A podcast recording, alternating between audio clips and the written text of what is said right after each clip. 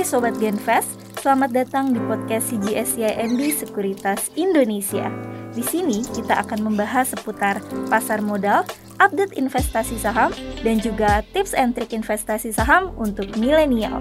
Stay tune terus ya di podcast Berani Berinvestasi bersama CGSCIMB Sekuritas Indonesia. Hai guys, kembali lagi bersama kami di podcast Berani Berinvestasi bersama CGS YMB Sekuritas Indonesia.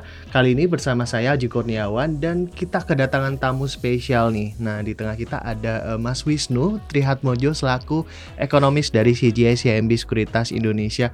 Hai Mas Wisnu, apa kabar nih hari ini? Kabar baik, Mas Haji. Yeah. Nah, semoga sehat selalu ya dan teman-teman uh, di rumah juga uh, semoga sehat selalu nih kabarnya. Nah, beliau ini adalah ekonomis dari CGS CIMB Sekuritas Indonesia dan thank you banget nih udah mampir ya bersama mampir di podcast kita. Dan kali ini kita akan bahas apa nih guys ya? Uh, kali ini kita akan uh, bahas uh, relate dengan uh, ekonomis tentunya ya, yang uh, tentunya kita akan bahas uh, tentang terkait uh, suku bunga ya. Nah, jadi uh, Mas Wisnu, kalau kita ngobrol ini mengenai tren uh, kenaikan suku bunga uh, di negara global ya, seperti di Amerika Serikat dan uh, juga negara-negara lain uh, maju lainnya ya. Nah, mungkin boleh diceritain ke teman-teman hmm. sobat Genvest, uh, bagaimana sih awal mulanya uh, hal ini bisa terjadi? Baik, pertama-tama terima kasih atas undangannya untuk uh, podcast kali ini ya, yeah. Mas Haji ya. Mm. Um, mungkin kalau kita bisa ceritakan dari awal mm. bagaimana sih inflasinya di Amerika Serikat itu menjadi tinggi mm. sehingga memerlukan respons dari kebijakan moneter yang ketat di Amerika Serikat ya. Jadi sebenarnya awalnya itu dari uh, pandemi pada beberapa tahun yang lalu. Nah, Singkat cerita, pandemi ini salah satu akibat yang masih berasa sampai sekarang adalah kenaikan inflasi. Uh, beberapa penyebabnya adalah yang pertama adanya lockdown. Okay. Itu menyebabkan terjadinya supply chain disruption. Mm-hmm. Lalu yang kedua ada juga aspek geopolitik yang menyebabkan harga minyak mm-hmm. itu menjadi naik dari yang tadinya kayaknya sempat negatif ya harga minyak itu ya. Mm-hmm. Tapi uh, beberapa tahun lalu itu sempat juga harganya naik ke 120 dolar per barel. Nah, dua hal ini eh, gangguan dari sisi supply chain dan juga kenaikan harga energi itu menyebabkan inflasi Amerika Serikat eh, diukurnya menggunakan eh, PCE. PCE ini namanya adalah singkatan dari eh, Personal Consumption Expenditure. Jadi ini adalah eh, measure inflasi yang alternatif dibaca dibandingkan dengan CPI ya Consumer Price Index angkanya sempat meningkat dari 2% uh, eh, sebelum pandemi uh, menjadi 7% hmm. setelah uh, puncaknya ya. Nah, hal inilah yang menyebabkan uh, Federal Reserve sebagai bank sentral Amerika, Amerika Serikat yeah. perlu mengetatkan kebijakan moneter untuk mengendalikan inflasi menuju ke 2% hmm. karena targetnya Amerika Serikat adalah di 2% tadi. Oh, Oke, okay. jadi tadi udah jelasin ya guys ya uh, tentang uh, bagaimana ciri awal mulanya ya tren uh, kenaikan uh, suku bunga secara global saat ini.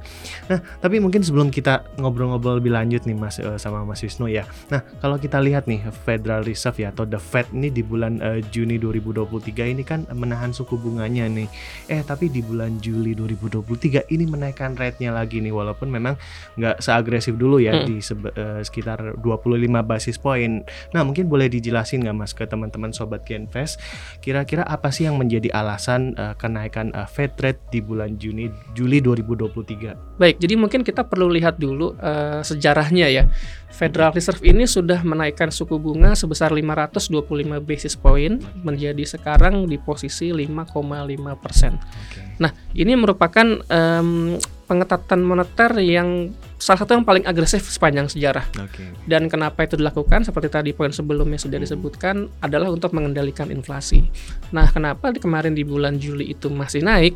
Memang dari sisi inflasinya sendiri um, masih di atas targetnya Bank Sentral Amerika Serikat di atas dua persen. Inflasi PCE terakhir ada di angka kisaran tiga persen ya. Jadi ini masih sedikit di atas uh, targetnya dari bank sentral tadi. Sisi keduanya adalah pertumbuhan ekonominya juga masih cukup baik. Okay. Jadi orang mungkin bertanya-tanya Amerika Serikat dengan kebijakan moneter yang ketat itu mungkin akan menyebabkan ekonominya resesi. Mm-hmm. Yang ternyata itu tidak kejadian sampai sekarang. Oh, gitu. Bahkan di triwulan satu kemarin pertumbuhan okay. ekonominya dari 2% di triwulan 2 tumbuh lebih cepat menjadi 2,4 persen dan ada ekspektasi bahwa nanti di triwulan 3 akan lebih cepat lagi di kisaran 3,5 persen. Nah, um, mengingat inflasi itu salah satu yang disebabkan oleh pertumbuhan ekonomi yang cepat yang menyebabkan konsumsi yang lebih tinggi dibandingkan suplainya Oke. ini juga menjadi salah satu faktor yang menyebabkan uh, Federal Reserve harus mengetatkan kebijakan moneter lagi. Oke. Um, lalu faktor yang ketiga uh, selain yang tadi sudah disebutkan adalah memang tingkat penyerapan tenaga kerja di Amerika Serikat ini masih tinggi, Oke. masih di kisaran 200.000 sampai 300.000 per bulan. Yang ini menyebabkan daya beli konsumen di Amerika Serikat itu masih tinggi juga.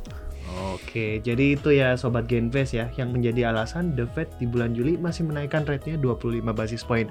Nah, kalau kita nanya nih Mas Wisnu ya, apakah ke depan dari segi pelaku pasar ini akan ekspektasi nih bahwa eh, The Fed ini bakal menaikkan eh, suku bunganya lagi atau gimana nih? Baik, sebenarnya pelaku pasar itu sudah tidak sabar menunggu Hmm. Fed itu menurunkan suku bunga ya. Jadi kalau kita lihat sebenarnya berdasarkan data Bloomberg, Oke, em, oke. Ini menunjukkan bahwa sebenarnya pelaku pasar itu berpikir bahwa bulan Juli kemarin adalah bulan terakhir Federal Reserve akan menaikkan suku bunga. Kenapa? Karena yang pertama inflasinya sebenarnya sudah menurun cukup signifikan. Dari tadi angka awalnya 7% sekarang menjadi hanya kisaran 3%. Artinya sudah ada improvement dari sisi inflasinya dan eh, harusnya kebijakan bank sentral itu bersifat forward looking. Artinya melihat inflasinya sekarang sudah menurun, apakah nanti ada kemungkinan bahwa inflasinya akan turun lebih cepat ke angka 2% targetnya Oke. bank sentral tadi. Em, itu salah satu pertimbangan dari market. Eh, bahkan market sendiri melihat ada satu banding 5 eh, probabilita, jadi 20% bahwa Fed akan menurunkan suku bunga di akhir tahun 2023 ini. Hmm, Eh, itu remains to be see. Bagaimana kebijakannya? akan Jadi itu dilakukan. tadi udah dijelasin ya guys ya dari segi eh, probabilitas dan eh, juga ekspektasi dari segi pelaku pasar terhadap eh, bagaimana kebijakan The Fed eh, ke depan. Nah ngomongin tentang eh, data-data ekonomi ya, yang tentunya ini relate nih mas dengan indikator eh, inflasi di Amerika Serikat. Nah kira-kira bagaimana sih pengaruhnya terhadap eh, kebijakan suku bunga dari segi The Fed? Baik, em, kalau dari sisi Fed-nya sendiri Ya. sebenarnya dalam pernyataan moneternya Mhm. bulan lalu bilang bahwa pertumbuhan ekonominya Amerika Serikat masih akan moderat, Ya. inflasinya masih elevated bahasanya, lalu penyerapan tenaga kerjanya atau labor marketnya itu masih robust. Artinya ini menunjukkan bahwa Fed itu sebenarnya masih berhati-hati Mhm. Apakah dengan situasi kondisi ekonomi yang sekarang ini masih akan menyebabkan inflasi yang sekarang sudah menurun apakah akan meningkat lagi ke depannya? Oke. Nah, Ini yang menjadi perhatian bank sentral eh, bagaimana mereka bisa mengantisipasi perekonomian ke depan tapi kebijakannya kan dilakukan sekarang ya. Betul. Memang sulitnya adalah kita mencoba untuk mengantisipasi apa yang terjadi di masa depan, tapi kita melakukannya di masa sekarang.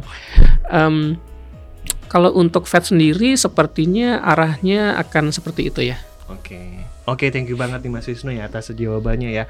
Nah, next eh, pertanyaan yang tentunya ditanyain oleh sobat Genfest nih. Nah, mungkin bagaimana sih Mas eh, dari segi eh, pengaruh dari segi The Fed ya, tentunya mempengaruhi dari segi kebijakan Bank Indonesia Hmm. sendiri nih dalam mempengaruhi eh, kebijakan moneternya di Indonesia. Baik, jadi em, Bank Indonesia dalam rapat Dewan Gubernur Ya. bulan Juli kalau tidak salah itu sempat menyebutkan bahwa ekspektasinya Bank Indonesia sendiri adalah Fed masih akan menaikkan suku bunga sebesar 25 basis point di Oke. bulan September. Mhm. Nah, em, berkaitan juga dengan posisinya Bank Indonesia sekarang, eh, sebenarnya inflasi di Indonesia sudah terkendali di dalam targetnya Bank Indonesia yang sebesar 2 sampai 4 persen. Hal ini memungkinkan BI kalau dia mau pivot gitu ya, seandainya Bank Indonesia mau menurunkan suku bunga. Akan tetapi satu hal yang mungkin jadi perhatian Bank Indonesia juga adalah eh, perkembangan di sisi rupiah. Karena kalau kita lihat em, sebenarnya rupiah ini cukup stabil sebenarnya, tapi dalam beberapa bulan kemarin sempat melemah dari puncaknya Oke. sekitar 14.500 sekarang menjadi 15.100. Nah, ini eh, salah satunya juga disebabkan oleh penurunan neraca perdagangan karena faktor harga komoditas dan impor yang sebenarnya meningkat menunjukkan ekonominya sudah mulai berjalan sebenarnya. Tapi di sisi lain juga Bank Indonesia harus men, me- apa ya eh, mencoba untuk menstabilkan antara dua hal ini. Nah, eh, dengan pertimbangan tersebut kami melihat bahwa em, BI mungkin akan wait and see dulu. BI mungkin akan menunggu hingga September apakah Federal Reserve akan benar menaikkan suku bunga sebesar 25 basis point Oke. dan bagaimana efeknya ke rupiah. Apabila nanti memang setelah bulan September Hmm. sudah ada kejelasan dari bank sentralnya apakah akan menaikkan suku bunga lagi apa enggak Oke. itu akan menjadi ruang bagi BI untuk bisa lebih eh, membuka ruang lah ya supaya BI bisa relatif me- melonggarkan kebijakan moneternya. Oke, sip sip, thank you banget ya. Jadi tadi udah dijelasin nih sama Wasino gambaran eh, ke depan nih kira-kira eh, The Fed ini akan gimana dan juga eh, bagaimana eh, BI ya memantau dari segi gerak-gerik eh, kebijakan The Fed yang akan dilakukan ke depan ya. Gimana guys, seru kan perbincangan kita kali ini? Jadi jangan lupa untuk like, comment, subscribe channel YouTube kita dan tentunya jangan lupa untuk nonton podcast Berani Berinvestasi CGI CIMB Sekuritas Indonesia. Karena kalau kalian nggak mulai investasi dari sekarang, mau kapan lagi? Dah.